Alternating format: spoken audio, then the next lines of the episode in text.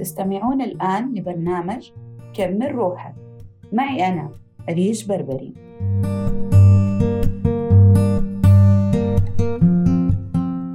أهلا وسهلا عدنا لكم من جديد وحلقة جديدة. حتى تكمل روحك. جميعنا نرغب بسرعة الحصول على الأشياء وتحقيق الأهداف. لكن توجد حلقة مفقودة. اسأل نفسك ما هو الشيء الذي ترغب بتحقيقه؟ لماذا لم يتحقق الهدف؟ هل عملت المطلوب مني؟ فتحقيق الأهداف وجذبها يعتمد على الله عز وجل وتوفيقه لك عليك أن تدعو الله سبحانه وأنت موقن بالإجابة وتتوكل عليه حق التوكل. بعد ذلك هناك خطوات بسيطة تقوم بها كل يوم لتجذب هدفك التنفس التأمل التخيل والعمل. العمل العمل. فعند إرادتك لتحقيق هدف ما عليك بالشعور أنك حصلت عليه. وتخيل نفسك ومشاعرك. كيف تكون؟ كيف يكون انبهار الآخرين بك؟ وسؤالهم كيف حققت ذلك؟ تذكر مشاعر الفرحة والبهجة والانتصار.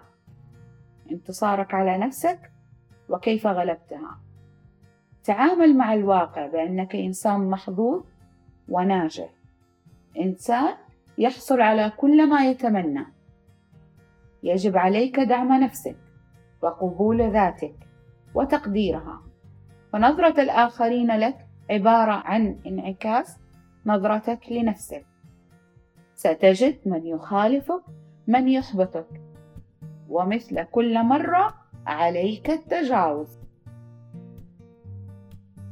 طبعا الأهم التطوير والاستثمار في نفسك. فعند رغبتك بفتح مشروع تجاري الجذب وحده غير كافي لنجاح المشروع. الخيال لوحده غير كافي. الشعور لوحده غير كافي. عليك أن تتعلم عن طريق أخذ الدورات التدريبية وقراءة الكتب وقراءة المقالات. التعلم من خلال الأشخاص المجربين ورواد الأعمال. معرفة الاستراتيجية التي قاموا بها حتى استطاعوا الحصول على أهدافهم.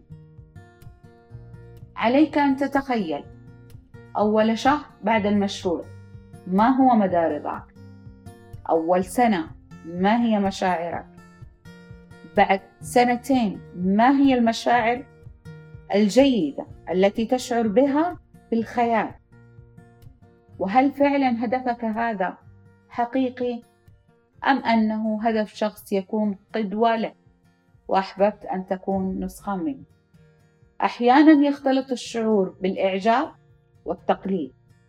لذلك اسأل نفسك هل هذا هو حقا ما كنت أريد الحصول عليه؟ اسأل نفسك وحفزها وطورها. أنا كأريش دائما أعيش المشاعر الجد. أتخيل نفسي في أرقى الأماكن. أتخيل نفسي أجيد جميع الأعمال. حتى أجذبها لي. فأنا أتعامل يوميا مع الجذب ولكن بالدعاء وبالخشوع وبالعمل. البحث عن مستشار أو كوتش لإعداد الخطة ووضع قدمك على الطريق الصحيح. جذب الأهداف ما هو؟ إلا خطة إلا خطة عمل تكتبها وتنفذها حتى تحققها. وكل منها لديه أهداف. وفي الحلقة القادمة سيكون موضوعنا أهدافك عن قرب. سنضع الخطة لتحقيق هدفك وكيف تستطيع أن تصل إليه. دعواتي لكم بتحقيق الأهداف والأحلام.